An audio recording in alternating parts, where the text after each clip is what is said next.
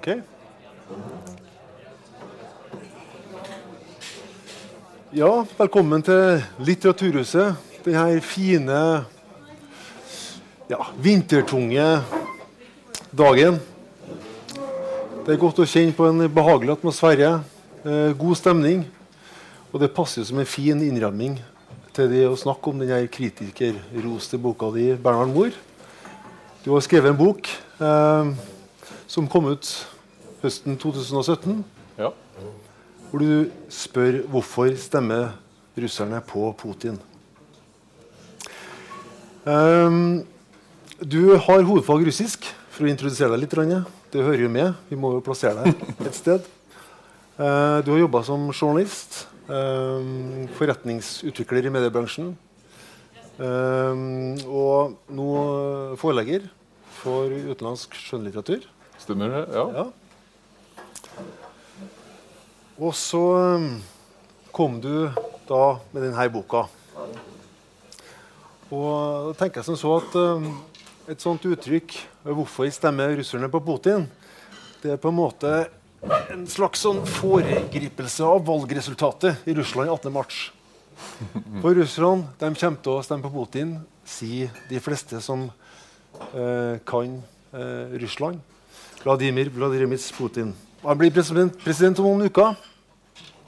Han stiller som selvstendig kandidat. Han har ikke lagt frem valgønsker, valgsaker, kanskje før eh, i går. Eh, og det er åtte andre som stiller eh, til valg. Eh, det er alt fra entreprenører til korrupsjonsjegere, TV-kjendiser osv.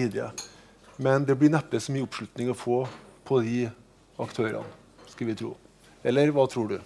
Nei, Det er vel uh, et safe bet å si at Putin kommer til å vinne valget. Akkurat hvor mange som kommer til å stemme på han, det er jo mer usikkerhet om. Men det, altså vi snakker jo også om en mann som kom til makten i 1999. Ja. Og når han nå blir valgt for sin fjerde presidentperiode, så vil han kunne sitte frem til 2024. Så Vi snakker også om en, en mann som har leda enten formelt eller uformelt i verdens største land i et kvart århundre. Ja. Det er en mann som har påvirka vår tid. Det er en mann som har påvirka vår tid. Um, altså, du eh, har jo studieopphold fra St. Petersburg fra sent 90-tall. Uh, eh, du har bodd i Moskva i flere år. Uh, eh, 2006-2007. Men hvorfor Russland? Hvorfor var Russland et utvalgt område for deg å gå inn og studere eh, på den måten du har gjort? Jeg begynte med grunnfag i russisk på Universitetet i Oslo i 1998. Og ble ganske raskt bitt av en slags basill. Ehm, du nevnte 1999, og jeg skriver litt om det oppholdet mitt det året. fordi at det falt tilfeldigvis sammen med den politiske krisen som kjennetegna Russland på slutten av Jeltsin-tida. Og det var det året da Putin ble statsminister. Og på slutten av 1999 så tok han jo over som president etter at Jeltsin holdt sin følelsesladde tale da han kunngjorde at han trakk seg. Um, men nå kom jeg altså til et land, uh, en by, St. Petersburg, som ligger jo bare et steinkast fra Norge. Man flyr dit på et sted mellom 1 12 og 2 timer. Og jeg opplevde at det på en og samme tid var veldig nært og veldig fremmed. Mm -hmm. um, og så traff jeg en masse spennende mennesker som syntes det var uhyre interessant å få en utlending på besøk. Mm -hmm. Jeg hadde masse hjertelige møter med russiske familier. Og da ble jeg, jeg ble rett og slett eh, jeg litt frelst, eller bitt av basillen, kall det hva du vil. Og måtte bare fortsette, og tok etter hvert av hovedfag. Og eh, var ferdig med hovedfaget i 2004, på den tida da Russland liksom virkelig begynte å løfte seg fra, fra asken, komme ut av det politiske og økonomiske kaoset som hadde vært. Uh, og jeg fikk da en mulighet til å jobbe i Russland i 2006 og 2007, som, som var en helt vanvittig spennende tid. Men, og det er jo fascinerende i seg sjøl.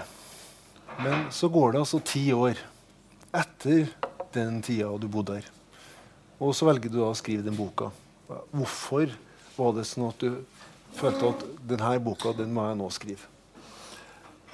Jeg ta lit, skal ta en liten omvei og for å svare på det spørsmålet um, Da jeg kom til Russland i 2006, så var jeg da utsendt av mediekonsernet Skipsted, som på den tida satsa hardt på gratisaviser i mange land i Europa. Uh, og Skipsted hadde kjøpt en gratisavis i St. Petersburg som het Moi rajon. Det betyr 'min bydel'.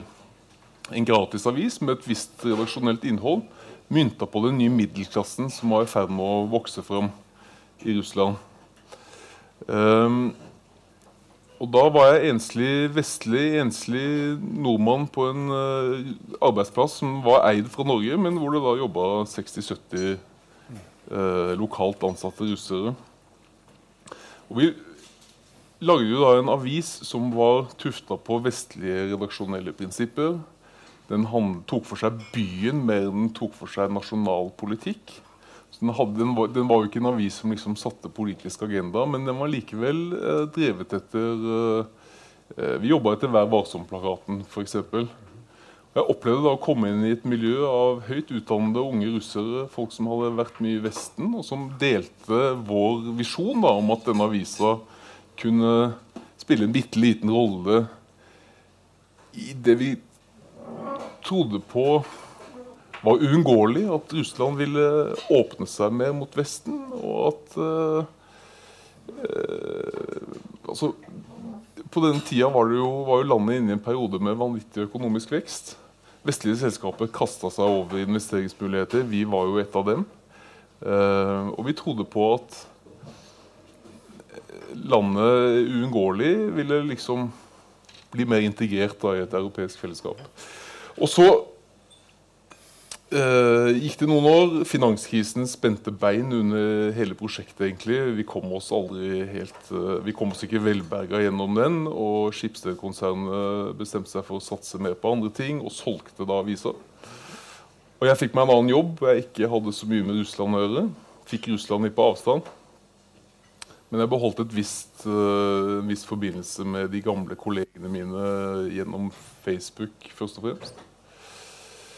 Eh, men så skjer det da noe i 2014 som på en måte kaller alle oss som har hatt noe med Russland å gjøre, tilbake til, bordet. Hvor vi er nødt til å Hvor det blir vanskelig å være, forholde seg nøytral til Russland. Og Da tenker jeg selvfølgelig på Krim-anneksjonen og på Russlands dårlig skjulte krigføring i Donbas.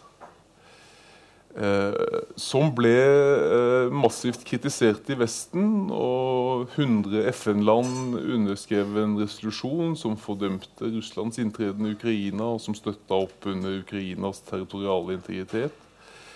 Eh, men i Facebook-feeden min fra de gamle kollegene så var det en helt annen historie. Der fikk jeg høre ting som at Hva er det dere i Vesten maser med? Eh, Krim har da alltid vært ukrainsk. Eh, det var en tidligere kollega som jeg alltid hadde sett på som en sånn kan du si, vestvendt, litt sånn Putin-kritisk person som eh, Mista jeg lyden her? Nei. Som skrev at bombene i Øst-Ukraina det er Vestens og Natos forsøk på å tilintetgjøre det slaviske folk.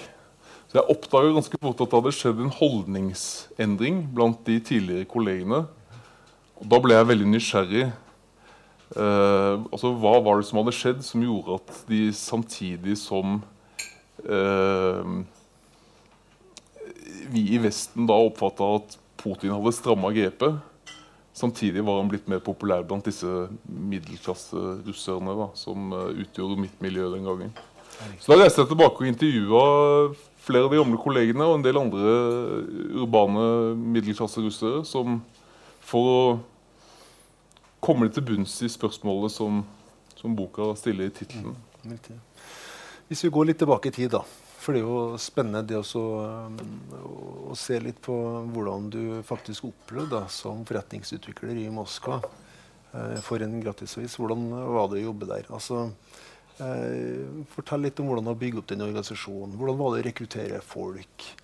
Um, det å komme utenfra og jobbe innovativt og erobre store altså markeder i Moskva. En, en, enormt stor by. Ja. Vi, vi, kjøpte en avis i St. Petersburg og eh, fortsatte jo da med den samme ledelsen. og Jeg ble på en måte høyre hånd for administrerende direktør, da, som, var, eh, som også hadde grunnlagt avisa. Uh, og på denne tida, for 10-12 år siden, så, så var det Klondyke-stemning i Moskva. Det var en sånn følelse av at her kom alt bare til å fortsette å vokse og vokse. Russland ville ta igjen det tapte på kort tid. Det var en litt sånn stemning. Det var veldig vanskelig å ansette folk. Fordi at de kloke hodene fikk som regel nye og bedre tilbud av andre kort tid etter at vi hadde ansatt dem. Um,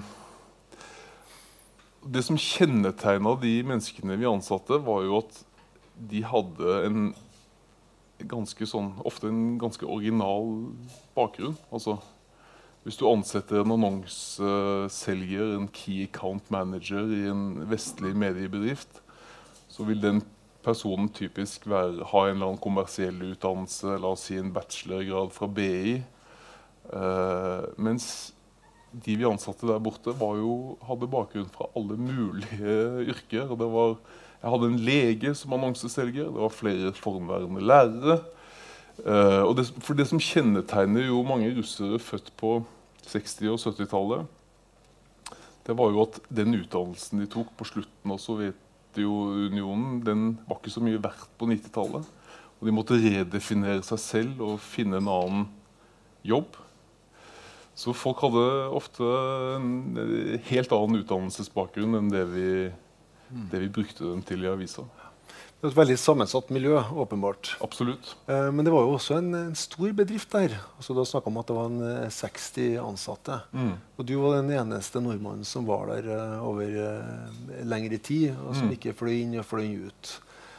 Eh, hvis du skal si noe om altså For det her er jo Russland. For de fleste så er Russland eksotisk. Mm. Det, du sier at det er nært St. Petersburg fra Oslo. Um, og det er det for så vidt. Det er også nært, veldig nært fra Kirkenes, hvis vi går opp i nord mm. og ser mot, uh, mot, mot, Russland. Men for de fleste av oss så, så, er det langt unna. Og tenker jeg, det, Opplevde du en, en, spenning, en kontrast i organisasjonslivet i Moya Royon når du kom dit?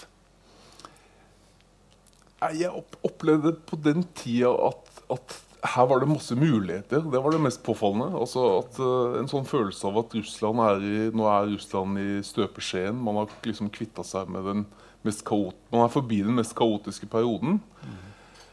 Uh, her, her, man, her, er det mulig å få til veldig mye.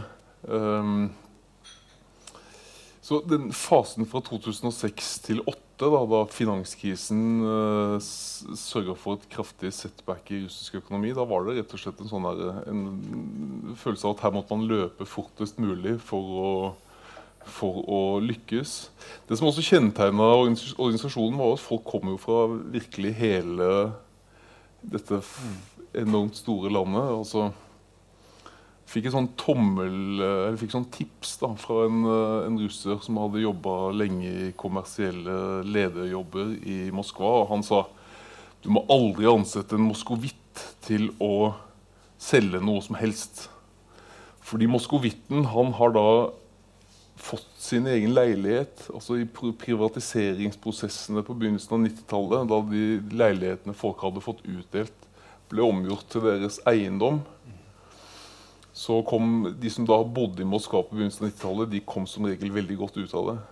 En innflytter måtte gjerne bo i kollektiv. ikke sant? Måtte slåss for de ekstra salgene for å kunne få den bonusen som gjorde at han kunne flytte ut av kollektivet mm. og kjøpe en leilighet selv. Mm. Så man måtte aldri finne på å ansette en moskovitt. Vi hadde selgere som kom fra Vladivostok i øst til uh, uh, byer i det europeiske Russland til Sør-Russland. Og I boka her så har jeg vært nede og ute i provinsen og besøkt noen av dem. Da. For noen av dem har da reist tilbake igjen til der de opprinnelig kom fra. Mm. Men det er klart man må jo spørre litt, da, ikke sant?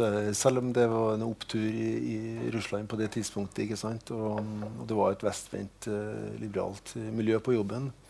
Um, så er det jo klart at uh, geopolitiske spenninger det, det vil, vil, jo være. Mm. Så i og med at du har den boka her, sant? Altså, hvorfor nå man stemmer på, på Putin altså, Det var ikke sånn at det ble noen sånn uh, opphetede diskusjoner på, på lunsjrommet av og til. I og med at du er nordmann og, og har den, den bakgrunnen som du har. Ikke politisk. Det gikk, jo, det gikk nok en slags skillelinje i avishuset mellom redaksjonen og de mer kommersielt ansatte. Altså I redaksjonen hadde vi et knippe eh, journalister, redaktører, som hadde utdannelsen sin fra, fra USA. Eh, og som var veldig eh, Hadde et syn på journalistikk som eh, nok så, var nokså sammenfallende med det jeg hadde fått med meg fra Skipsstedaviser Norge. I, blant de kommersielt ansatte så var det jo flere som mente at vi måtte tone ned den politiske siden fordi at det ville skremme vekk en del annonsører. Uh, og når jeg da ti år etter har intervjua en del av disse gamle igjen, så er det klart at avisens gründer, sjefredaktør, eh, er jo fremdeles ytterst kritiske til Putin. De har ikke bytta side. Mm. Uh, så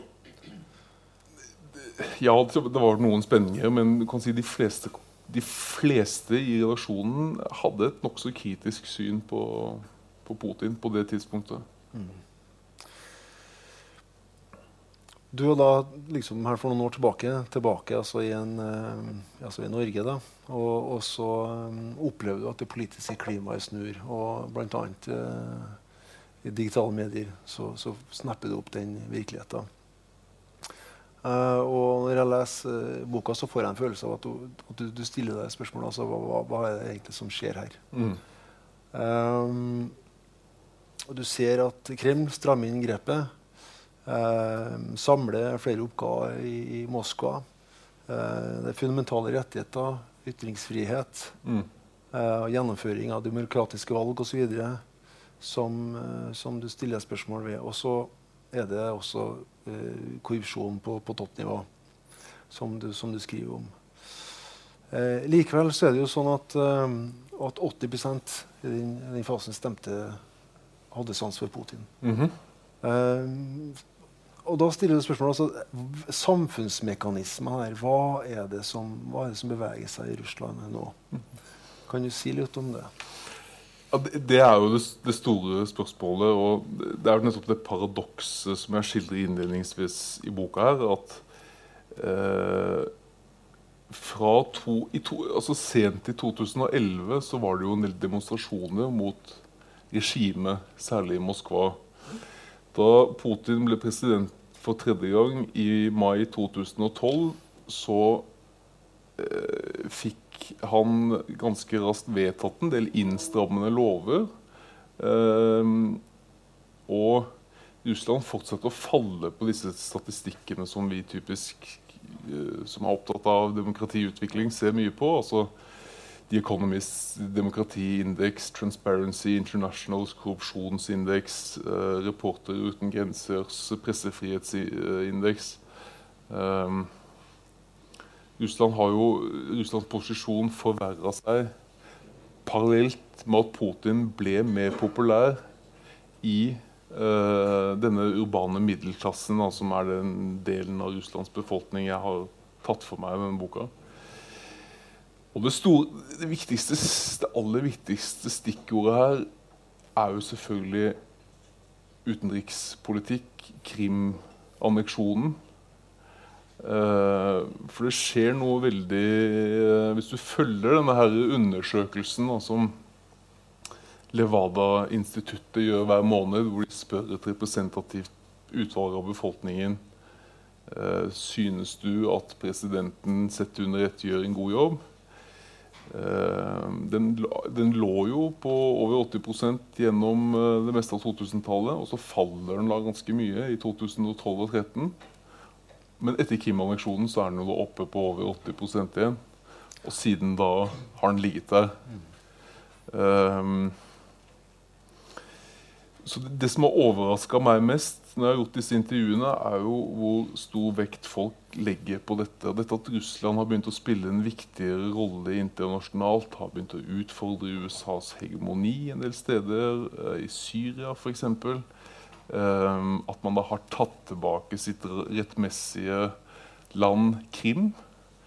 Ehm, det er det veldig mange av intervjuobjektene mine som legger stor vekt på, og som får dem til å si at uh, ja, jeg var kritisk til presidenten før, men uh, måten han har bana vei for Russland på internasjonalt de siste årene, gjør at jeg nå har fått større tillit til presidenten så er det sånn at du, du, du, du kjenner på en måte ikke Russland uh, utenfra som sådan, men du etablerte også veldig tett, tette bånd til, til, mennesker der. Um, og da har du jo nevnt uh, Olga i boka di, som mm -hmm. var din beste venn på den tida. Ja, Olga er viktig. Uh, ja. Og, og, du spør hun hvordan kan det her ha seg. Men det svaret du får, er ikke helt det du ønsker. Uh, tenk kanskje du kunne, kunne lese litt uh, ja. fra Olgas kommentar til det.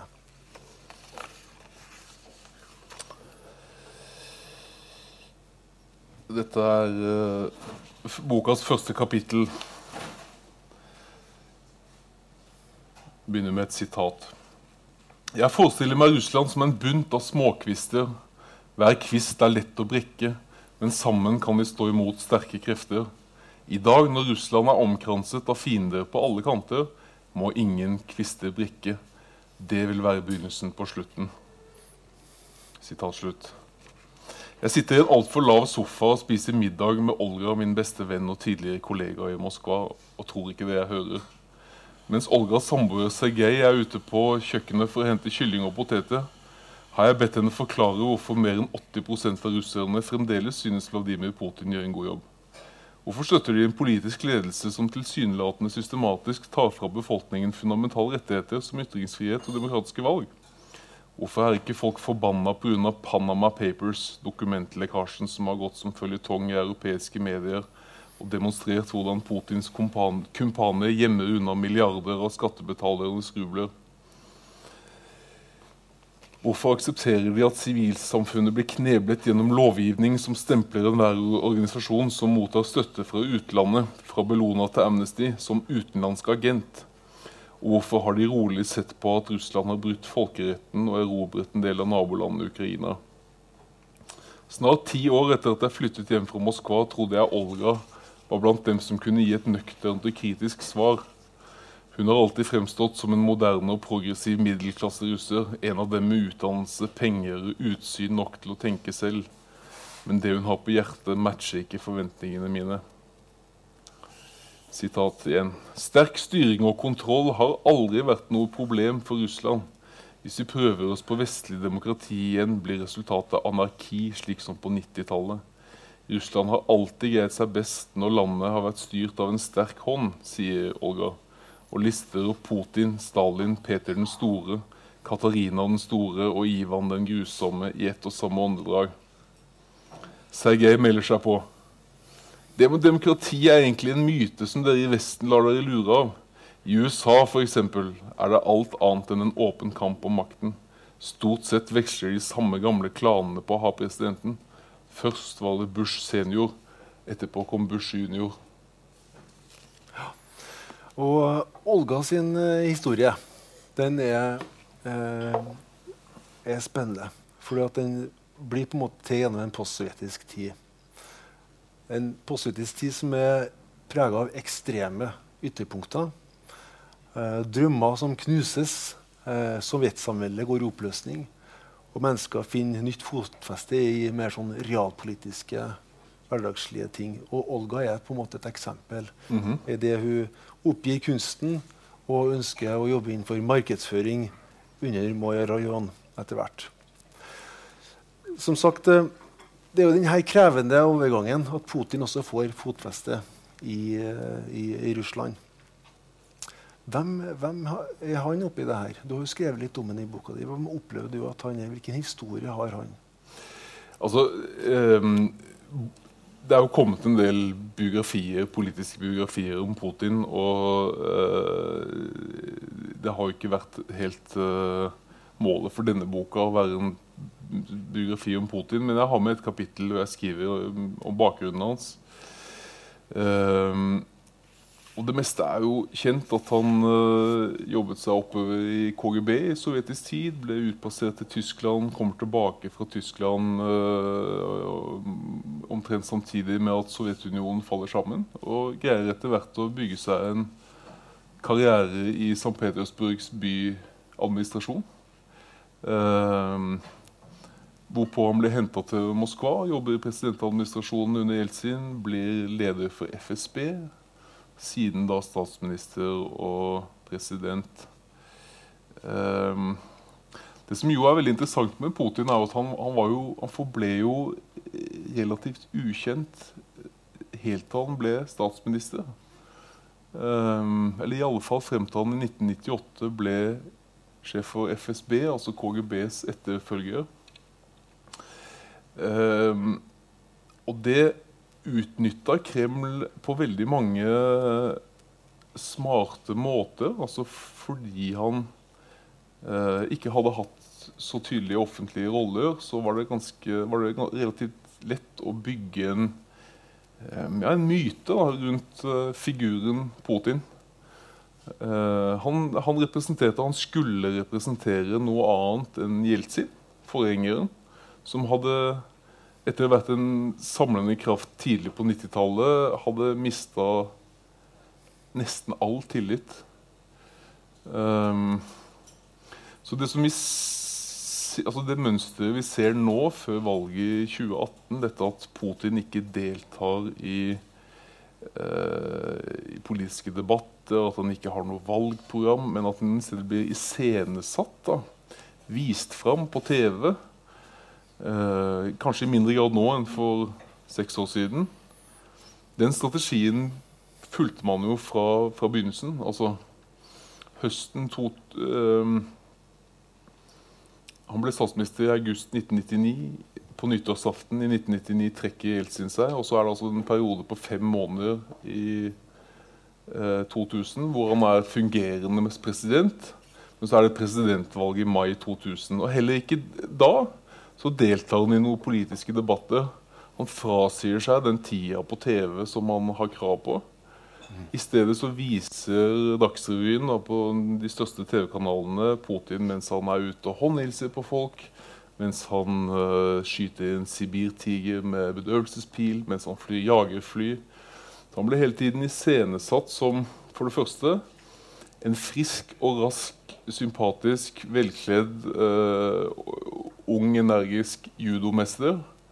Uh, på den annen side en som hever seg over den daglige politikken, altså de små politiske debattene, der er ikke han med. Han er store far. Han er landsfaderen.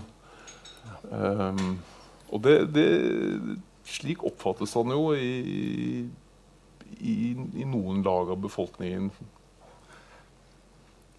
Han er jo en, eh, altså, beskriver en ekstremt uh, tydelig uh, iscenesatt uh, person. Og det forteller jo også at her ligger det et betydelig nettverk bak. Uh, og du skriver jo litt om, om nettverket ja. bak Putin. Og du er også innom uh, tida ved Smålen-instituttet ja. og sier at det, det, var, det, var, en viktig tid. Um, det er veldig mange av de som har jobba i presidentadministrasjonen under Putin de siste, siste 20 årene, som jobba sammen med Putin i, uh, i, på rådhuset da, i St. Petersburg på 90-tallet. Hva, hva, er det med, med russerne og nettverk? Um, altså nettverk og uformelle forbindelser um, er mye viktigere i Russland i veldig mange uh, i veldig mange deler av samfunnet. Og det, det, har jo også en kan du si, logisk forklaring ved at alle statlige institusjoner klappa jo sammen i 90-91. Man var nødt til å ha gode relasjoner for å få fatt i alt fra mat og klær til å fikse seg en ny jobb. Um, så og det, det, det merka vi jo også i, da jeg jobba der borte. altså klart Innen alle former for salg da, så er jo relasjoner viktig. Men men der borte eh, på et helt annet nivå. Mm. Putin blir da utnevnt som statsminister i 99. Mm. President 2000. Han tar over makta i en fase hvor det er turbulens i Russland. Mm. Det er økonomiske store utfordringer. Uh, politisk kaos og høy arbeidsledighet. Men han markerer seg også tidlig som en tøff realpolitiker og tar kontroll politisk. Han får russiske skuter opp og gå igjen. For Fortell litt om, om, eh, om, om det som han, han, får til der, og hvorfor han får det til. Ja, Russland gikk jo eh, formelt sett konkurs eh, i august 1998, da den siste store rubelkrisen var. Altså Man misligholdt låneforpliktelser overfor utlandet. Eh, dette hang også sammen med eh, altså globale forhold. Men eh, rubelen stupte. Folk mistet sparepengene sine igjen. ikke sant? Noen få år etter at de hadde mista dem for første gang.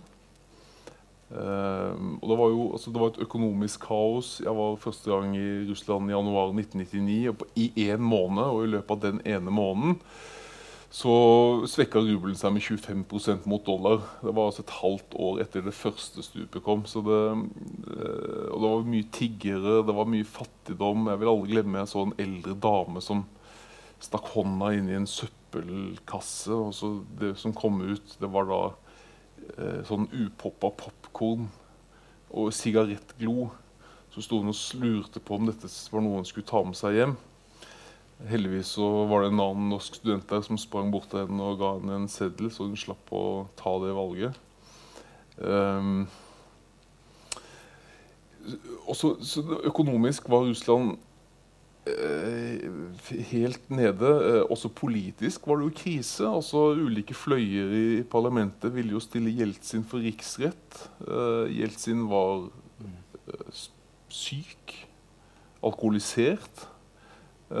Tilliten til han var veldig lav.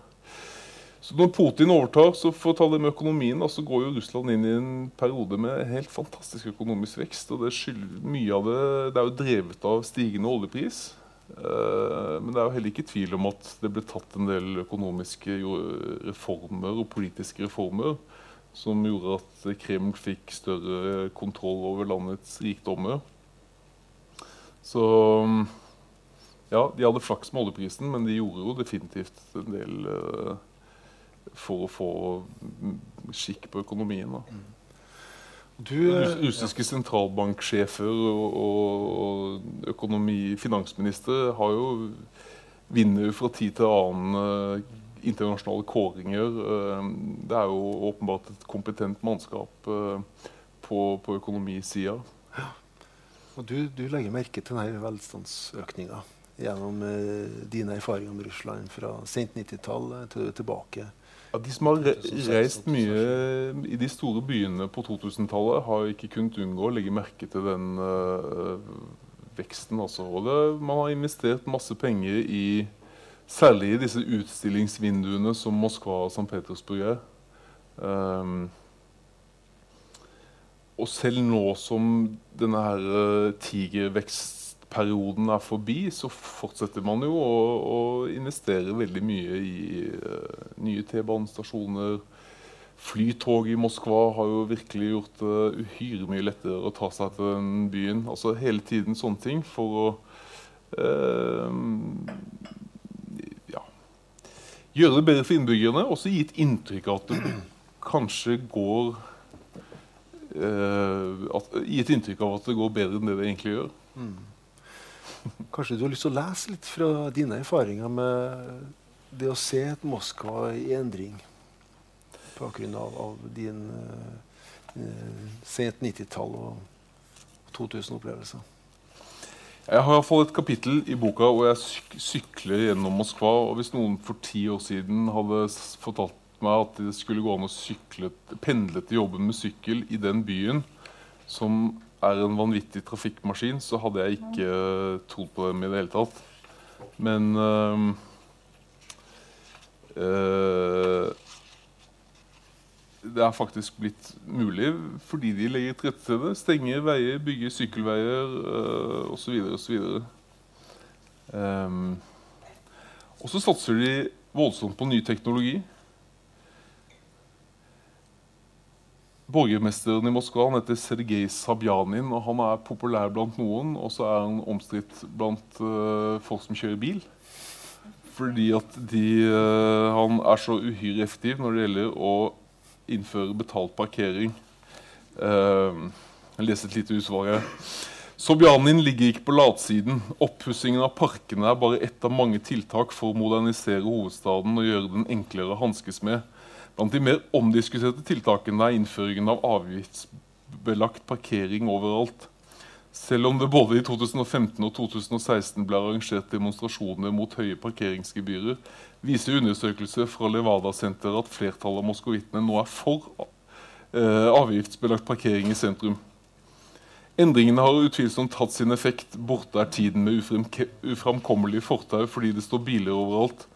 Og de som bor i sentrumsbygårder, har nå bommer med kode som sørger for at de får ha bakgårdene sine i fred. Sobjanin har ikke minst gjort det lett å betale. Overalt kan man bruke parkeringsappen Parkovki Moskvi, Moskvas parkeringsplasser, som varsler når tiden er i ferd med å løpe ut. Passe på er man nødt til, for Sobjanins nye evakueringskjøretøy, upopulært kalt krokodiller, fjerner en feilparkert stakkar på tre minutter. Men er uhellet først ute, så står borgermesteren også klar med en håndsrekning. Appen Goss Oslogi Moskvi, offentlige tjenester i Moskva, byr på søkefunksjon for borttauede biler, samt oversikt over tildelte og betalte parkeringsbøter. Pluss en hel haug andre funksjoner, som å lese av strømmen og bestille time hos fastlegen. Har du skolebarn, viser appen når poden ankom og forlot skoleområdet, og om det er penger igjen på matkortet. Så her er jo åpenbart Moskva et langt hestehode foran Oslo og Trondheim. og det, det, Dette er den andre grunnen til at jeg ville skrive denne boka. det at Jeg syns at uh, vårt russlandsbilde altså i Norge preges av at vi får nesten bare politiske nyheter. Altså Hva Putin har sagt og gjort, det er alltid på forsiden av avisene i Dagbladet i dag f.eks. Men den type historier om hvordan det faktisk er å, å leve og bo med, med, to barn og stasjonsvogn og bikkje som en middelklassemenneske i Russlands store byer altså Det er et liv som er blitt noe helt annet på 20 år. Det minner mye om det vi lever. Altså, den type historier er det veldig lite av i norske medier. Lite menneskeligere enn Russland. Ja, og det, det, det fører jo til at altså Jeg sier ikke at det ikke er konfrontasjon på, polit, på, politisk nivå, for det er det jo. Og man skal være kritisk til hva Russland foretar seg, eh, hva Kreml foretar seg. Men vi trenger disse andre historiene for å balansere bildet. Mm. Lenge så blir det sagt at det var innenrikspolitiske, eh, altså økonomiske forhold, som, eh, som holdt Russland samla, og der var Putin eh, dyktig. Eh, men så, så, er det et stort men etter hvert. Fordi at den økonomiske virkeligheten den, den, den er jo god, men finanskrisen slo inn kraftig. BNP ned 9% Men Russland, eh, med, eh, med da etter hvert Medvedev som president, Medvedev, eh, får landet opp eh, raskt. Likevel, sent 2011 så er det altså hundretusener som, eh, som strømmer ut i, i Moskva, i, på Balatnia-plassen, eh, som blir kalt Balatnia-opptøyer. Um, hva er, det, hva er, det, som skjer med, med Russland i, i, den eh, overgangen 2011-2012 der? Ja, dette var jo like før det forrige presidentvalget. altså Det er litt sånn samme periode vi er i nå, bare én presidentperiode tilbake. Da var det som du, som du, sa, ganske mange mennesker, altså middelklassemennesker som gikk ut og demonstrerte på denne her Balotnaja-plassen og på Turgenev-plassen. De største eh, markeringene mot regimet på 2000-tallet. Eh, det er mange som forklarer dette ved at man har da hatt en periode over tolv år da, med, med, solid økonomisk vekst. Man har fått en ganske stor middelklasse. Man kan snakke om en 20-30 millioner mennesker, 40 millioner mennesker bosatt i de store byene i det europeiske Russland som begynner å få et, eh, et, forbruksmønster, et inntektsnivå som Om det ikke er helt på skandinavisk nivå, så er det kanskje på sentraleuropeisk nivå. Og det er liksom, det er Maslows behovspyramide. Har du mat og klær og hus og jobb i orden, og så ønsker du noe mer. Man har reist Europa rundt på ferie, men mm. man ønsker medbestemmelse. Um, og så skjer jo da dette, Det som er den utløsende årsaken til disse demonstrasjonene, var jo denne her rokaden, da, hvor Putin og Medvedev på bakrommet ble enige om at de skulle bytte plass. At Putin skulle bli president igjen og Medvedev statsminister igjen. Og da eh, innså jo folk at det de kanskje hadde mistenkt men ikke turte helt se i øynene, nemlig at det var viktigere hva som ble bestemt på bakrommet, enn hva middelklassen hadde å si. Altså, det utløste disse demonstrasjonene. Pluss at det ble jo da dokumentert veldig mye valgfusk. altså Det å dokumentere valgfusk er blitt lettere fordi alle har en mobiltelefon med seg og kan filme og dele osv. Um, ehm, så er det flere demonstrasjoner så vinner Putin valget. Han blir da innsatt i mai 2012, og da finner den siste demonstrasjonen sted. og da Rett før folk skal demonstrere, så inndrar politiet tillatelsen, sånn at de har en grunn til å arrestere folk. Uh, og Det blir da ganske slått hardt ned på da, den siste demonstrasjonen. og Folk som var med der, har fått uh, fengselsstraffer opptil fire år. Så når Putin er da tilbake igjen, så innfører han da disse her skjerpende lovene. Så når du ser på denne, denne her uh, målingen av hvor populær Putin er, så faller den da ganske tydelig i 2012 og 2013. Så det var tydelig at Putin trengte noe. Mm. Og i 2014 så fikk han da det han trengte. Men, men altså, ok, meningsmålene faller, ikke sant? Og uh, man tenker jo at uh, Skulle jo kanskje forvente at Bolotnøya altså, interessen for å opprettholde et slags sånn uh, motstand der fortsetter. Men det, det gjør det ikke. Det dabber liksom bare av. Og det er jo noe jeg snakker med en del av de mer, uh, de mer kritiske røstene om. altså Hvor ble det av denne eh, demonstrasjonsånden. Hvorfor er det så stille?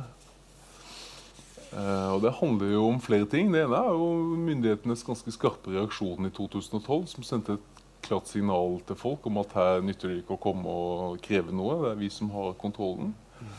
Og så er det igjen Krim, som vi har vært litt inne på. Mm. At veldig mange i middelklassen har genuin sans for, uh, for den vendingen, den nasjonalistiske, neo, neoimperialistiske vendingen i Krems retorikk den har voldsom appell. Og mange synes genuint og ærlig og oppriktig at det er viktigere at Russland igjen hevder seg. At man kan få litt sånn stormaktsvyer igjen. Det er viktigere enn demokratiske rettigheter. Men du utfordrer jo også samtalepartnerne dine i din boka her. Du utfordrer dem på det faktum. Altså, her er det snakk om begrensning av ytringsfriheten. Ja.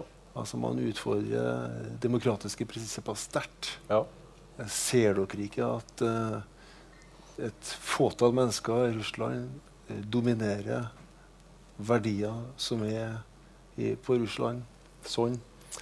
Um, men, men, uh, men Vesten misforstår, får du vite.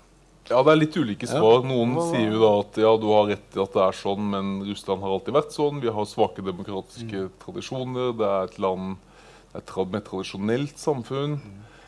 Um, til, til, de som da sier at uh, vi misforstår, vi ser ikke hele bildet, vi ser ikke Russland innenfra.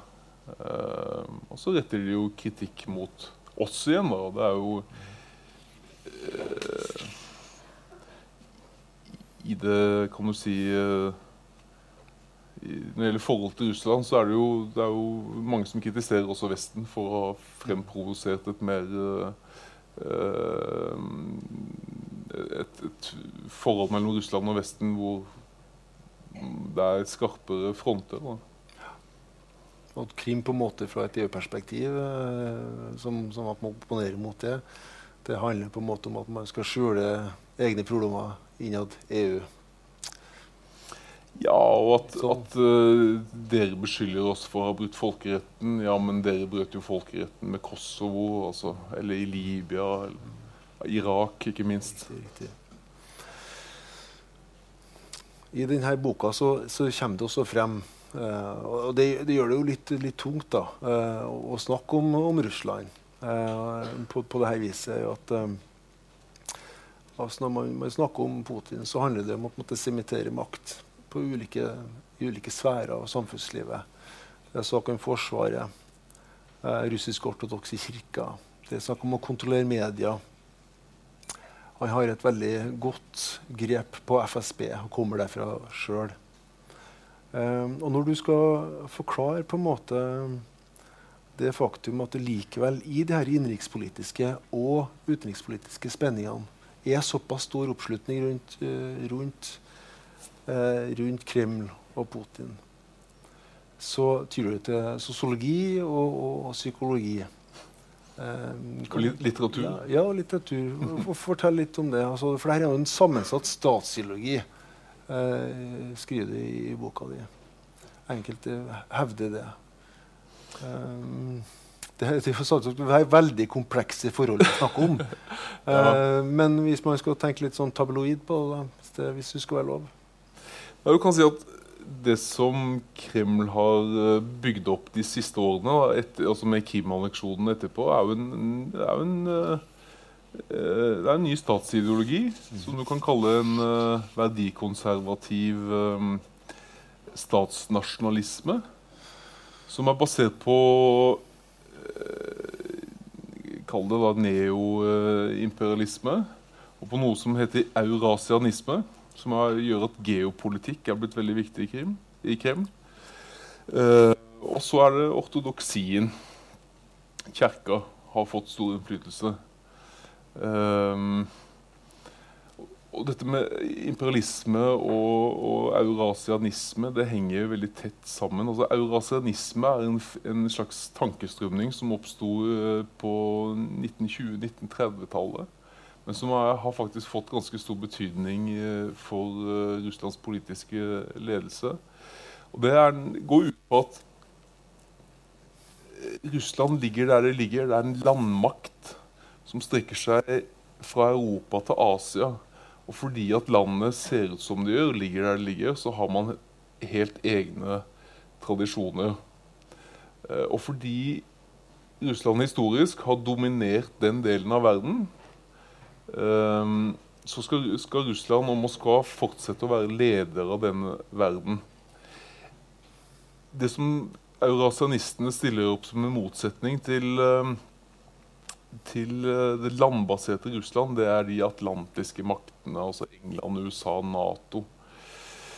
Så den kjente uh, eurasianisten er uh, en kar som heter Aleksandr Dugin. Han sier da at uh, land som Ukraina og Georgia, som tradisjonelt har vært dominert fra Moskva, har ingenting med å liksom lefle med Nato. Fordi at de, er, de tilhører en kulturkrets som har Moskva som sentrum. Uh, og dette, altså Denne Dogen han blitt, ble for 10-15 år siden sett, sett, på som en rabulist og en uh, useriøs uh, tenker. Men hans, hans, ideer har fått stor innflytelse på ledelsen i, i Kreml. Hvor, hvor, tror du det her går nå, da?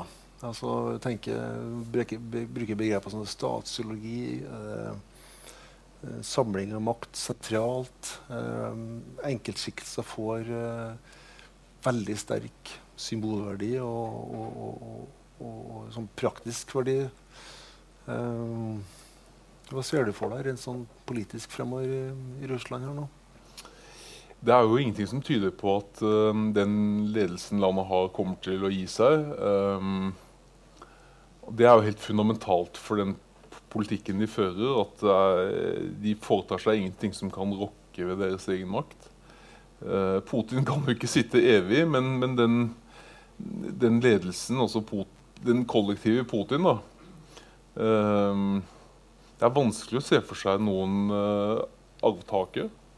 Det er vanskelig å se for seg at den politiske ledelsen vil gi fra seg makta frivillig. så for meg er det vanskelig å se, se, for seg noe annet enn et slags status quo. Altså, så, er, man skal vokte seg for å spå hvor lenge det vil, vil vare. Vi skal litt bort fra politikken akkurat nå. Uh, ja, det, det er mer ved Russland enn en politikk. Og du er et veldig godt eksempel på det. Uh, generelt bred interesse for Russland, og særlig innenfor uh, kanskje litteratur, kunst, musikk. Eh, og det er vel gjennom det man blir best kjent med den russiske sjelen, blir det sagt. Så vi skal invitere opp eh, Matrosjka-kameratene på scenen. Um, men kanskje du kan fortelle oss litt om generasjon perestrojka? Fra boka di ja. innledningsvis for å sette stemningen for denne type musikken som vi nå skal høre. Skal gjøre det. Jeg har et kapittel i boka som er forma som en, uh, en, tur på byen sammen med en tidligere kollega som heter Sasha. Og hennes uh, mann Maxim, uh, hvor vi, de rett og slett viser meg de kuleste utestedene i St. Petersburg som befinner seg der hvor Sasha tilbrakte mye tid da hun var tenåring. Hennes tenåringstid falt sammen med Eh, med perestrojka og, og, de første årene etter at Sovjetunionen hadde falt, falt sammen. Um, så i løpet av den kvelden ute så snubler vi litt over et arnested for den sovjetiske rocken på 80-tallet. Som flere av oss som uh, studerte russisk på 90- og 2000-tallet, har vært veldig oppslukt av. Så det skriver jeg litt om. Prøver å formidle litt av eh, altså Hvis det er Raga Rockers, DumDum Boys, De Lillos og Jokke Valentinerne som er de fire store i norsk rock, så skriver jeg om de fire store i russisk rock, som er Akvarium, Kino, Auktion og DDT. Jeg skal lese lite utdrag.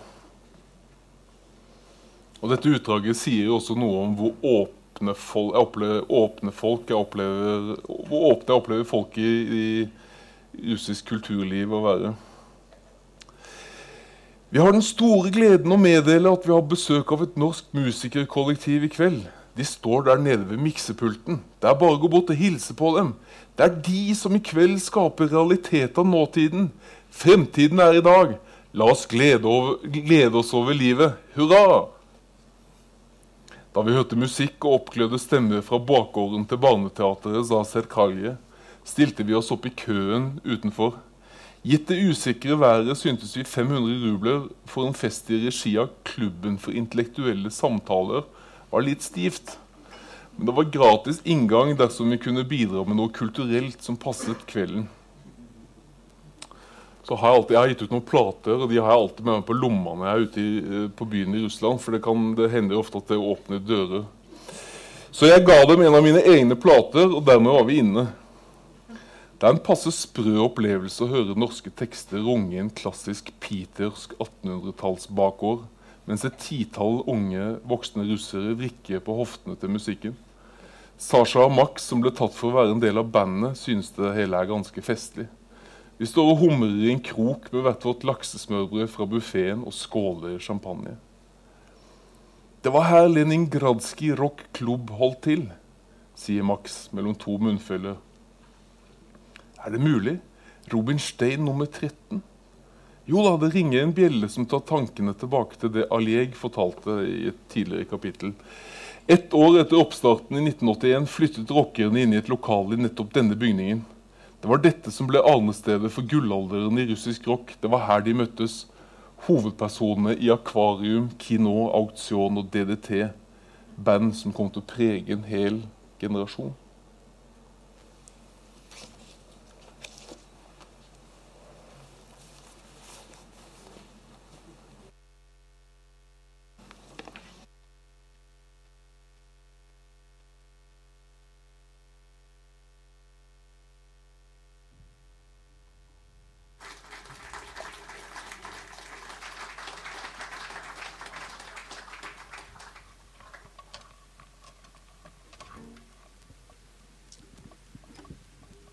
Har det seg sånn at uh,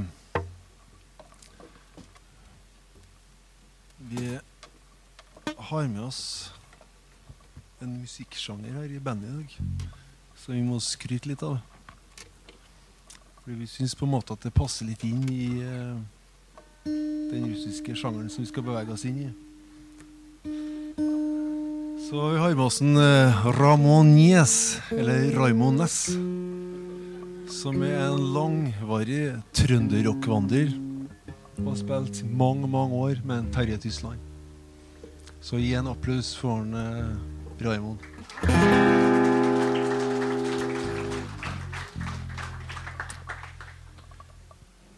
Har du lyst til å in introdusere låta, Bernhard? Eller? Nei, vi kan godt gjøre det. Vær så god. Ja. ja. Den heter Gruppa Krovi. Det betyr blodtype. Blodgruppe på norsk. Og det er tittelen på det siste albumet til Kino. Legendariske Før Kino. Legendari, den legendariske frontfiguren Viktor Tsoi gikk bort i en bilulykke. Ja. ja. 1990, 87 år. Standardalderen for musikalske rockekjemper også i Vesten.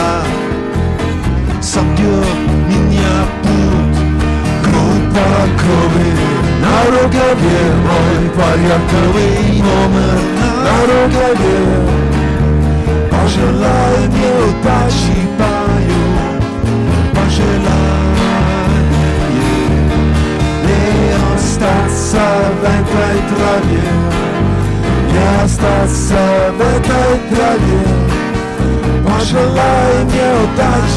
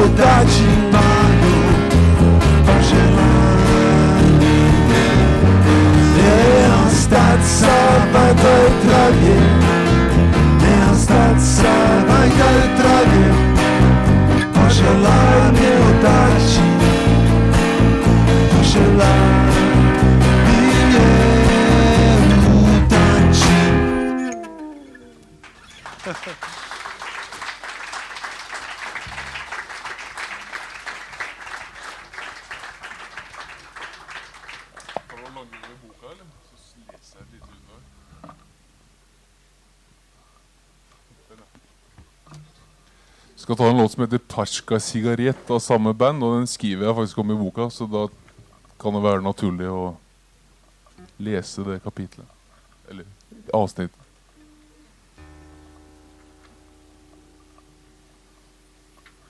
Samme band.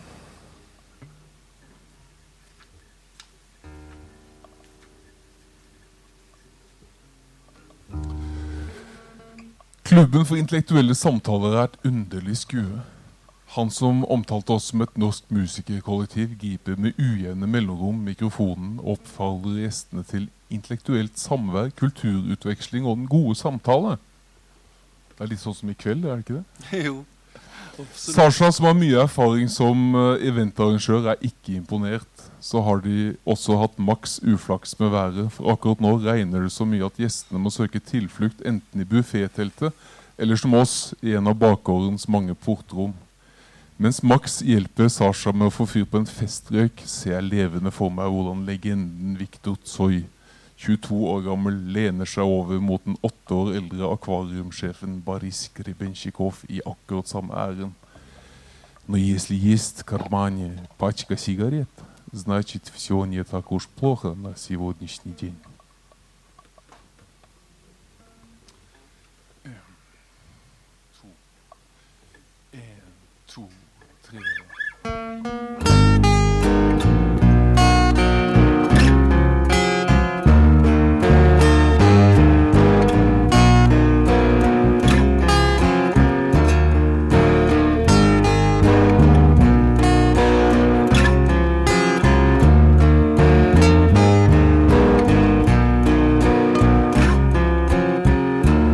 Я сижу и смотрю чужое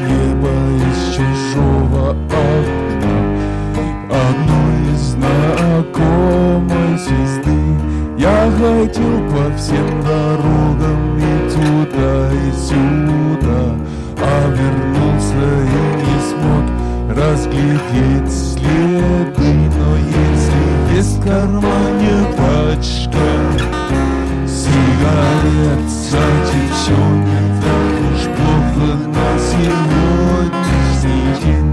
И билет на самолет серебряным крылом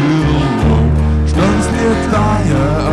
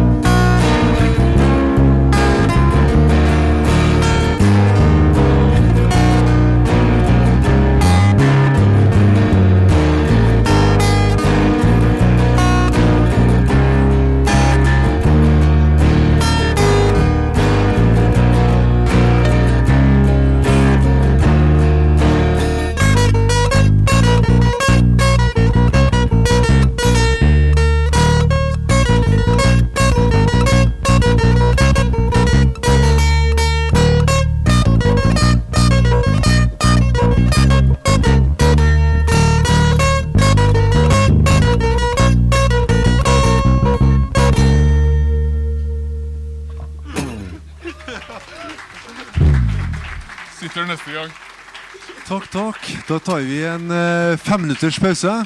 Eh, så kommer vi tilbake igjen og fortsetter. Fem minutter pause.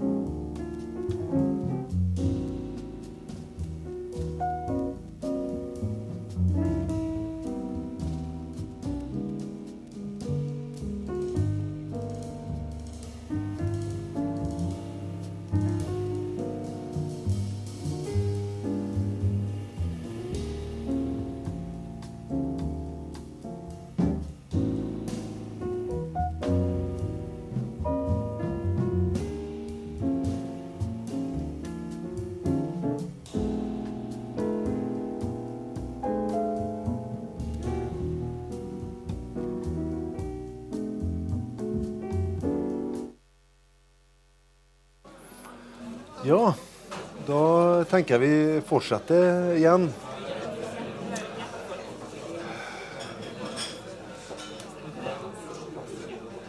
Er vi klare til å fortsette? Har dere fått dere litt drikke? Spis, kanskje? Greit.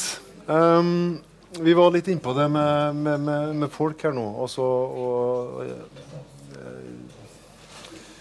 um, og altså, jeg opplever at du skriver på Det er en slags grenseskildring, faktisk, det du gjør med den boka. Fordi du tar på en måte pulsen på, på deg og forholdet til, til Russland, altså som eh, nordmann og der du kommer fra. Um, og, og, det er, er jo egentlig ikke noe nytt, for å være litt uh, ubehagelig. Men det er sånn hvis vi ser nordover. Uh, spesielt nordover. Fordi i, på tidlig 90-tallet så eh, initierte Norge sammen med nordiske land og Russland Barentssamarbeidet. Et regionbyggingsprogram eh, som uh, var et sånt soft security-prosjekt um, som i dag har vart akkurat 25 år. Uh, og tenker Vår aldersgruppe og, de fleste som sitter her, uh, var jo for, for altså, Vi er for, for unge, da for å plukke opp Sightcast i forhold til den utviklinga der oppe i nord. Det inkluderer da de fleste nordligste fylkene eh, i Norge, Sverige, Finland eh, og da Nordvest-Russland. Det er nesten en ufattelig eh, utvikling som har skjedd relasjonsbygging i, i nord, sier bl.a. Moskva-korrespondent eh, Jentoft eh, nylig. Men så er det et eller annet med det. Altså, vi må, altså, det, også, det ligger liksom i nordområdepolitikken. altså ligger på en måte og, vaker litt i Barentssamarbeidet også. Eh, og vi, vi, vi, går høyt ut, norske myndigheter, i forhold til etablering kontakt med Russland. Og da er det funksjonelt samarbeid som står på dagsorden. Men du skriver i boka di når du da ser en internasjonal krise um, krim oppstår, så sitter vi altså bare noen få år før igjen med resultatet av at delelinja, 40 år med disputter om, om Barentshavet, blir eh, altså klarert og til stor pomp og prakt i Oslo, hvor president Medjeder på den tid besøkte Stoltenberg osv. Vi har fått visumlettelser eh, i grensesonen. Visumfrihet, vil enkelte si. Eh, altså, det er på en måte en revolusjon, det som har skjedd i de, de sonene osv. Det gjelder spesielt eh, det kommunale samarbeidet mellom Petsjenga og Sør-Varanger kommune. Men så kommer Krim, og så opplever vi at uh, det politiske miljøet i Oslo forsvinner inn i Washington og Brussel i forhold til sanksjonering av eh, annekteringa av Krim. Um, hvordan skal man tenke på det, Bernhard, i forhold til, i forhold til det um, at, at dramatiske internasjonalpolitiske ting skjer? Og så har du en liten nasjon som Norge, som skal på en måte leve i det faktum at vi har en svært kompleks nabo som Russland til øst. Som vi er avhengig av på mange måter å ha god relasjon til, mm. i og med at vi deler landegrense. men også havressurser. Det er, dette er jo vanskelige spørsmål som jeg skriver en del om. Jeg syns det er vanskelig å gjøre seg opp en egen mening. Altså Det at verden reagerte mot det, det Russland gjorde på Krim og i, i Donbas, det, det er jo som seg hør og bør, tenker jeg. Altså Um, samtidig eh, skulle man kanskje håpet at, at, det i Norge fantes en litt større dialog, da, man, uh, en litt større diskusjon før man skrev under på, på de første sanksjonene. Um, jeg på den ene side ja, helt nødvendig for et lite land som Norge, nabo til Russland, å reagere mot Krim-anneksjonen, som vi gjorde. Eh, men samtidig er det jo helt avgjørende at vi fortsetter å samarbeide med Russland, strekke ut en hånd til Russland, interessere oss for Russland på alle mulige måter. Ja, for Det er mange måter å gripe det her fatt på. Altså, tenk Finland, som også grenser til Russland, en del av EU, eh, har jo også vært for sanksjoner, men har jo opprettholdt en helt annen dialog med Russland. President eh, Sauli Nistø for eksempel, har jo vært fem ganger over i Moskva. Um, og Putin har også visstnok vært eh, i Finland. Eh, det går også rykter om at det har vært uh, tøffe diskusjoner. Og Finland har vært fullstendig klar over at de, at, de, at, de, må forholde seg til internasjonale avtaler og internasjonal lov. Og Putin ser på en måte ut til å ha akseptert det. Men det viser jo også at innenfor visse felt kan være en god dialog, selv om det er en vanskelig tid. Mm. Og Norge har jo gjennom sitt regjeringsapparat vært veldig forsiktig eh, østover etter 2014. Ehm, det er litt vanskelig å ikke trekke frem uh, litt sånn enetale her nå, men uh, Det går bra. Uh, det går litt på det med at det er mange barentspatrioter som er i klemma nå. som har jobba knallhardt i Russlandssamarbeidet i mange, mange år. Um, det er en trønder som sitter i Lefortovo-fengselet i Moskva.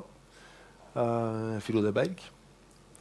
Um, I forleden dag så også en tidligere diplomat, Marit Jacobsen, uh, som nå jobber for Barentssekretariatet, hun uh, får ikke visum til, til, til, til, Russland lenger. Og lista begynner å bli ganske lang, egentlig. Mm. Um, og det er vel også derfor altså, Fins det måter å opprette um, nye kanaler med Russland på. Um, tenker du i, sånt, uh, i, en sånn setting? For det viser jo at uh, altså nettverkene og, og, det fantastisk sammensatte samarbeidet som er etablert under regionsbyggingsprogrammet i Barentssamarbeidet, er i ferd med å bli kraftig utfordra. Altså, politisk er det jo vanskelig pga. Krim og sanksjonene. Eh, næringslivet, som, som, jeg kjenner, er jo også vanskelig fordi at Russland ikke er noen rettsstat. Og i den grad det har vært noen utvikling på det feltet, så har det blitt godt det verre. Altså eh, folk som har Det er nok av eksempler på folk som har investert og satsa mye i Russland, som har mista de verdiene sine eh, fordi de har blitt raida angrepet av konkurrenter og siden ikke har greid å vinne fram i rettssystemet. Selv det finnes eksempler på de som faktisk vinner fram i rettssystemet også. Mm. Men jeg tror folk, vi, Da skipsstedet gikk inn i Russland i 2005, så tenkte vi oss om både én og to, tre og fire og fem ganger. Eh, Pga. historier, eksempler på vestlige selskaper som hadde blitt eh, ja, skvisa politisk, eh, medieselskaper eh, f.eks. Ehm, men vi gikk inn, og vi var der frem til vi solgte oss ut i 2011 og hadde eh, egentlig små problemer med både myndigheter og konkurrenter, selv om vi hadde noen. Men det var ingenting vi ikke kunne løse. Eh, I dag tror jeg nok folk tenker seg om eh, enda flere ganger. Så det, på kulturfeltet tenker jeg jo det er mer flere, altså, flere muligheter. Mm. Men det begynner å bli spett. ja. Et utvida Barentssamarbeid. Folk-til-folk-samarbeid. Ja. Mm. Jeg skulle gjerne sett at uh, det ble et uh, altså Samarbeidet i nord er veldig spesielt uh, og tett. Jeg skulle også sett at vi kunne få til på en eller annen måte jeg vet ikke helt hvordan dette skal se ut, men et tettere samarbeid mellom våre urbane sentra, da, altså Oslo, Bergen, uh, St. Petersburg, Moskva. Um, men det er klart man kan ikke liksom konstruere på tegnebrettet at nå skal Norge og Russland uh, gjøre ditt og datt. Det er veldig vanskelig. Det må jo være uh, individuelle initiativ. Mm. Det er også litt vanskelig å ikke trekke opp talen fra Vladimir Putin i går. Ja. Eh, State of the Union-talen fra Moskva. I eh, vestlige medier så, og, og, her i Norge så er det jo førstesidestoff. Eh, og det er jo kjernefysiske våpen. Eh, eh, dommedagsvåpen som, eh, som Putin ikke er redd for å, å, trekke opp som et kort i forhold til å, å markere seg eh, i en internasjonal tid. Da. Samtidig som han, han balanserer talen på innenriksforhold som går på ja, altså at 20 millioner mennesker i Russland er fattige. Det må man gjøre noe med. Um, Russland er svært sammensatt. Demografien er, er krevende. Og så er det en relativt lav økonomisk vekst. Hvorfor tror du altså Botin han går ut med en, en sånn uh, tale akkurat nå? Den, den viktigste altså, Det er jo denne utenrikspolitikken som, som har samla folk eh, siden 2014. Altså eh, å konfrontere eh, Vesten, da. I Syria, i Ukraina eh, og eh, gjennom det man sier og det man ja, det man ut, uttaler. Og den talen i går den tolker jeg jo inn i det samme mønsteret, kan du si. Og talen var kanskje litt røffere i tonen, og man viser fram nye våpen osv. Dette handler jo aller mest om å imponere sine egne innbyggere. Så uh, tenker jeg jeg, har ingen, jeg tror ikke det er noen reell grunn til å frykte at Russland vil lefle med, med ideer om å gjøre noe i, Nato-land, NATO og det vi har sett i Ukraina. Jo, de må jo ikke finne på det. Altså, Natos militærmakt er jo x antall ganger større. Så det, det handler jo om, å, om øh, å, vise seg fram for sine inn, innbyggere. Det, høres, det, er, det, ser ut som utenrikspolitikk, men det er faktisk innenrikspolitikk. Mm.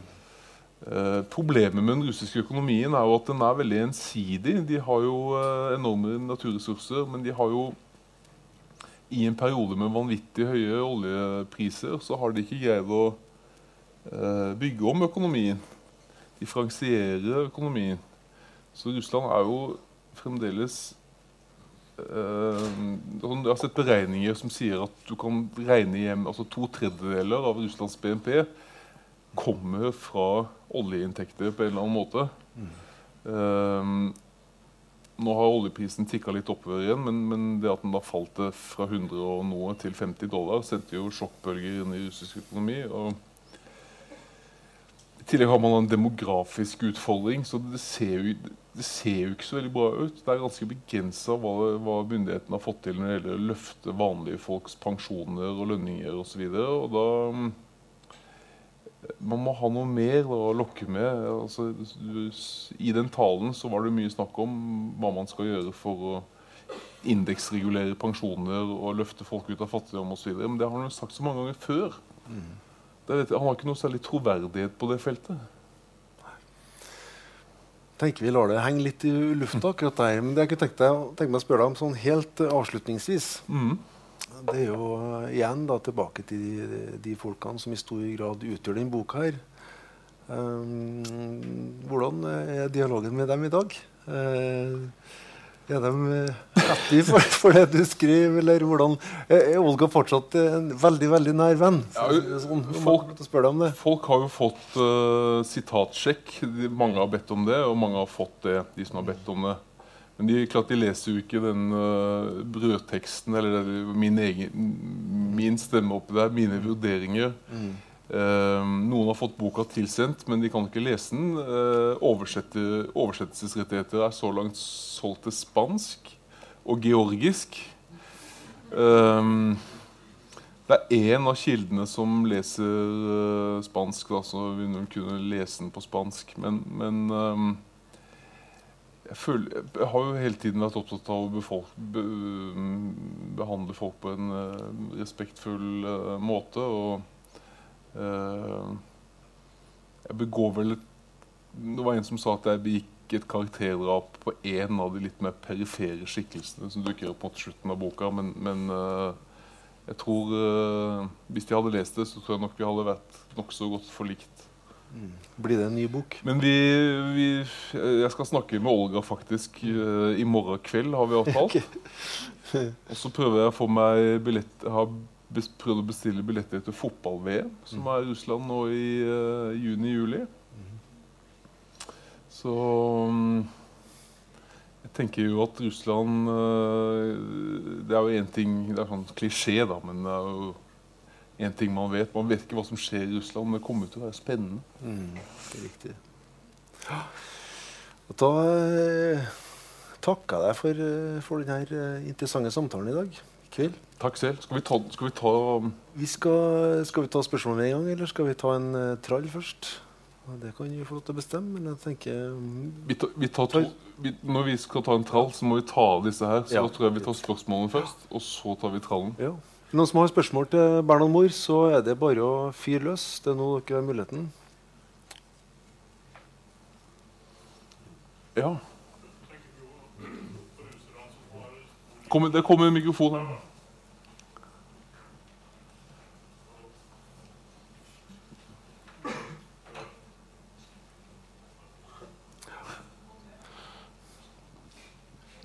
Der har vi en. Ja, der var den. Ja. Ja. Jeg tenker på Russland, som har en stor litterær tradisjon, sånn som Dostojevskij og Sjolsjenitsyn og, og, sånn. Ja. Hva, får du noe inntrykk av, når du snakker, dem du har snakka med her, har, har, Russland en oppgave, i, en spesiell oppgave i verden? Altså for, Det er jo snakka om uh, Moskva som det tredje Jerusalem. Det tredje Rom. Har, hva? Det tredje rom. Det tredje rom var det, ja. ja. Så hva er, hva, Får du noe inntrykk av at det, at det har en, en, plass?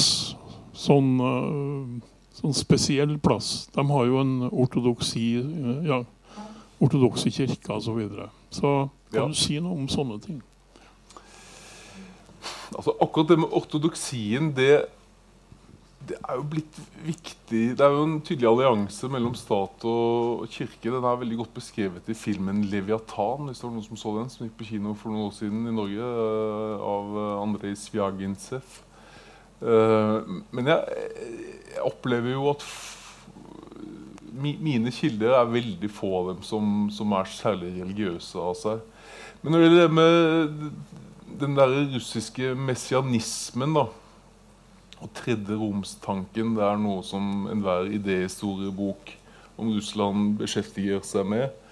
Eh, det, stammer jo fra middelalderen, hvor eh, en Munch uttalte på Ivan den store eller Ivan den grusommes tid eh, at først så falt Romerriket, og så falt Konstantinopel. Uh, og Moskva er det tredje rom, og noe fjerde rom skal, ikke, skal, det ikke bli. Så det er vi som liksom nå forsvarer kristendommen. Det klinger jo litt med også i, uh, i det, denne nye statsideologien. Der snakker man jo mye om at Det er noen som snakker om at Vesten står for moralsk forfall. Uh, Russland vokter ekte tradisjonelle verdier osv. Så om, om, ikke han munken Filaret er på pensum eh, blant de som jobber i presidentadministrasjonen, så leser de nok en del eh, russiske idéhistorikere som, som, som, skriver om det der. Flere spørsmål? Ja, jeg, ja vær så god. Jeg kommer inn med mikrofon her.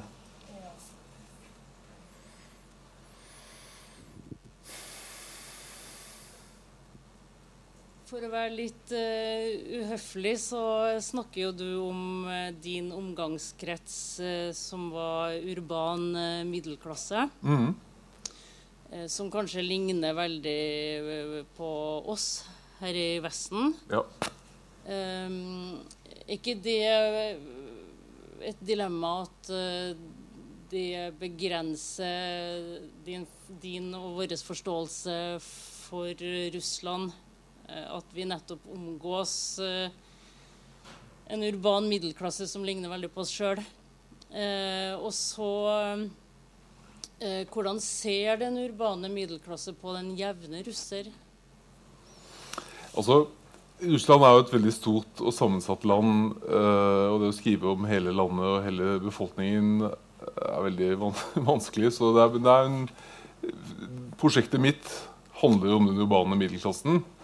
Uh, nettopp fordi da jeg bodde der borte for ti år siden, så opplevde, dem, dem, opplevde jeg dem som veldig like oss. da. Uh, så folk som da har et livsmønster, uh, og som har høyere utdannelse og ligner på oss på mange måter, hvorfor har de annerledes politiske preferanser enn de fleste her hos oss? Det er det som er utgangspunktet for boka. Den burde kanskje hett Hvorfor stemmer den russiske urbane middel... De stemmer jo ikke, men de støtter den. For de, de, gidder ikke gå og stemme som regel, de fleste av dem. Hvorfor støtter de fleste urbane russiske middelklassemennesker Putin? Um, så det er mitt prosjekt. Jeg har intervjua tidligere kolleger. Uh, og så innså jeg etter hvert at de fleste jeg hadde intervjua, født på 60- og 70-tallet. Så da fikk jeg gravd opp en del i neste generasjon, folk født på 90-tallet. Men det er moskovitter, petersburgere, folk i store byer i Sør-Russland jeg har intervjua. Um, det andre spørsmålet hvordan ser de som da tjener uh, Og det, det, finnes ulike anslag på hvor stor den middelklassen er. Uh, 20-30-40 millioner er det typiske anslaget. Altså en fjerdedel av befolkningen. Eh, litt avhengig, avhengig, av hvordan du definerer det. Hvordan ser disse på resten av den russiske befolkningen? Jeg hadde en del veldig interessante oppdagelser uh, da jeg jobba der borte, for jeg var ansvarlig for rekruttering. Uh, og det har jo vært et samfunn hvor det er den sterkestes rett som gjelder på mange måter. Altså, det er jo et veldig dårlig trygdesystem. Så Hvis du ikke kommer deg opp og fram og får, får en bra jobb og en god inntekt, og sånn, så er det vanskelig å, å, få til så mye. Eh, og jeg opplevde noen ganger at når jeg begynte å forklare folk som skulle komme på jobbintervju, hvordan de skulle ta seg til kontoret vårt fra den nærmeste T-banestasjonen, så hendte det noen ganger at folk avbrøt meg, og så sa de nei, nei, jeg har kjørt bil i tre år allerede, jeg. Altså underforstått, Har du råd til å kjøre bil, så kjører du bil. For da har du kommet på et høyere nivå i uh, utviklingen. Da står du på et høyere trinn. Um, så det er, det er, jo et samfunn som minner kanskje mer om det amerikanske enn om vårt, i den forstand at uh, enten så lykkes du, eller så lykkes du ikke. Og da er det vanskelig å endre sin uh, Komme seg ut av fattig, fattigdommen. De har jo hatt et godt utdannelsessystem da, hvor du har kunnet komme deg inn på gode skoler uh, hvis du er talentfull, selv om du kommer fra en fattig bakgrunn og et eller annet sted på, på landet. Men uh, der er det mye korrupsjon i, inntak, i inntakssystemet. så Eh, men fremdeles er det mulig å komme seg få en god skoleplass hvis du er dyktig. altså. Skal vi ta ett spørsmål til, ja. og så Ja. Du rakk opp hånda i sted? Ja.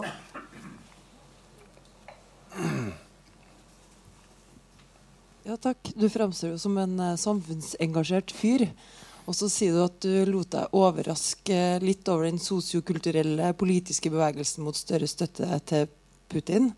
Men ser du på det som et særskilt fenomen for eh, Putins Russland, eller eh, kjenner du igjen f.eks. andre steder, som Norge også, at den samme sosiokulturelle politiske bevegelsen mot den type støtte som du har sett der? Det er jo mange som sammenligner det som skjer i Polen, og Tsjekkia, Slovakia, Tyrkia med det som skjer i Russland. At folk eh, samler seg om mer tradisjonelle verdier. Eh, i, i russisk, på russiske TV-kanaler, de statseide TV-kanalene så snakker man jo mye om at Vest-Europa er i forfall. og eh, har store utfordringer med migrasjon. Eh, og det må vi for all del sørge for at det ikke skjer her. Vi må stenge grensene. Altså, den type holdninger er jo det, Der er det en parallell mellom Russland og sentrale europeiske land. Eh, så jeg ville heller sammenligne med de enn med, med oss. Ok. Skal vi ta en uh, Var det ett spørsmål bak der, siden du nå Ja. ja. Får jeg det siste, da, siden det var, var så rask opp begge to her. Jeg lurer på hvordan tror du Putins politikk påvirker den russiske nasjonalfølelsen? Og i så fall, hvordan påvirker det landets utvikling?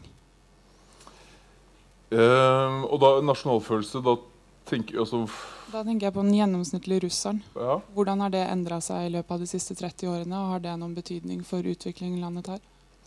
Det er jo den tendensen som jeg skildrer i flere kapitler, at uh, særlig etter Krim, så har det vært Krim-anneksjonen, så har det vært uh, det som uh, sosiologer kaller for 'rally around the flag'.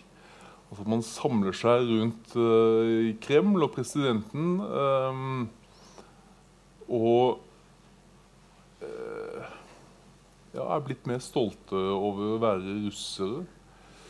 og det kan jo det, og det er jo paradoksalt, syns vi, da, fordi at Russlands anseelse har jo blitt svekka etter uh, dette her på veldig mange måter etter Krim. Men meningsmålinger viser jo at folk, folk flest er blitt mer stolte av å være, være russere. Ok, da skal vi ha et litt Ja. Ja.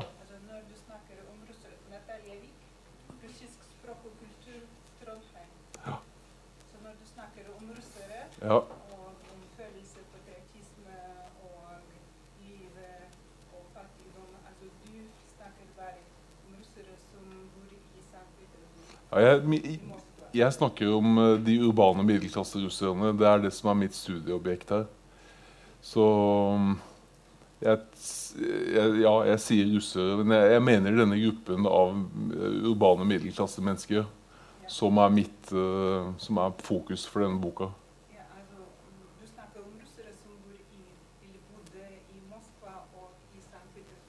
I hovedsak, ja. Jeg kommer også fra en urban by, men i Sibir, som heter Jakutsk. Ja, ja.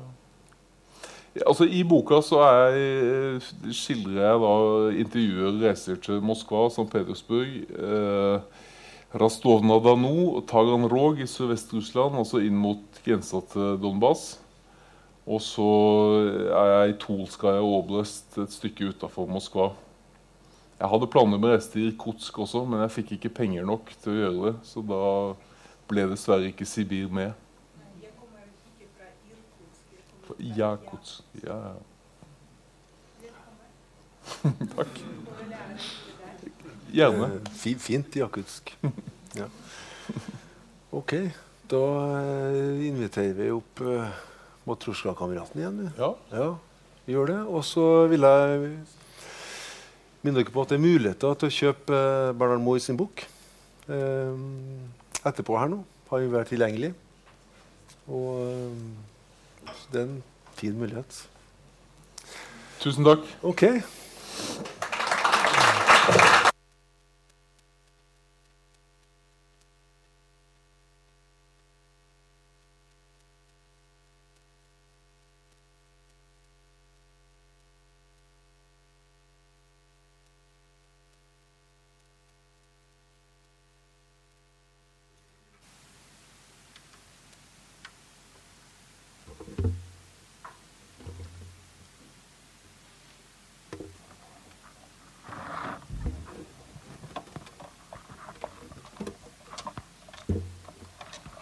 Skulle ikke du kaste jakka? Det har hun bestemt meg. Vi skal spille en eh, sang som vi har oversatt til norsk. Med samme bandet som vi har presentert flere ganger i kveld. Kino. Etter 'En stjerne kalt sola'.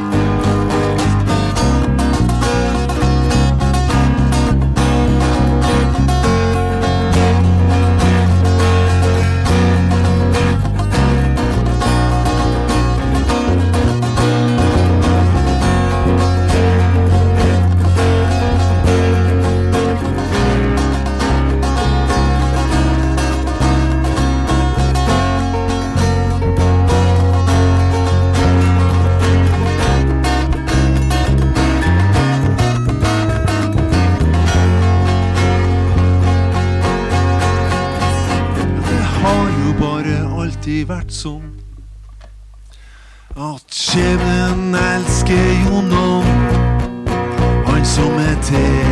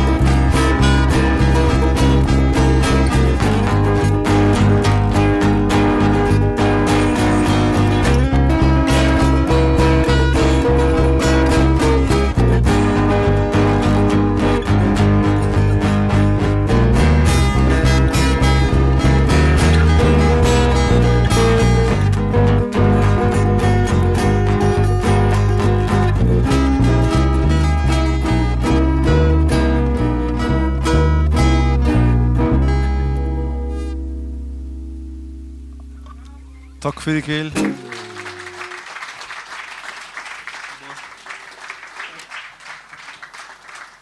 Takk til alle som kom etterpå.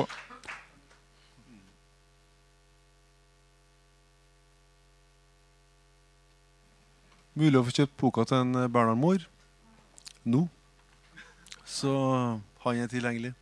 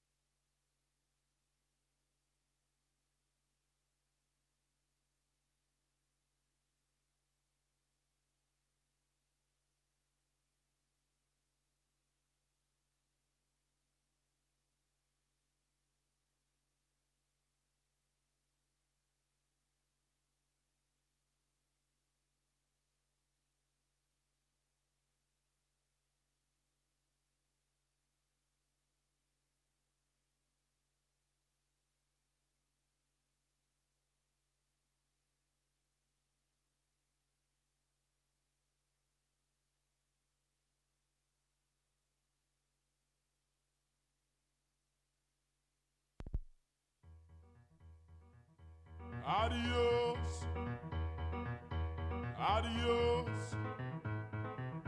Adios to your afternoon. 'Cause tonight I'll be forever following the Colosseum moon into a certain room. Adios. Adios. I'm sorry for quickly jumping into the train. I waited, but no one came. You were just too late. That decision is mine. That decision is mine. So let the lesson be mine. Let the lesson be mine. That decision is mine. That decision is mine. Cause the vision is mine. The vision is mine.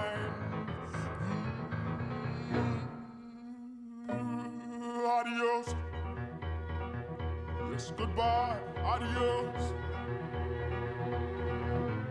Adios. To the little child in me who kept on blaming everyone else instead of facing his own defeat in Edmonton. After all, I should have no regret, for if it wasn't for my mistakes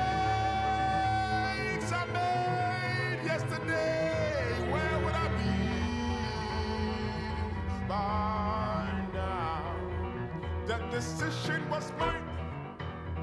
That decision was mine. So let the lesson be mine. Let the lesson be mine. That decision was hard.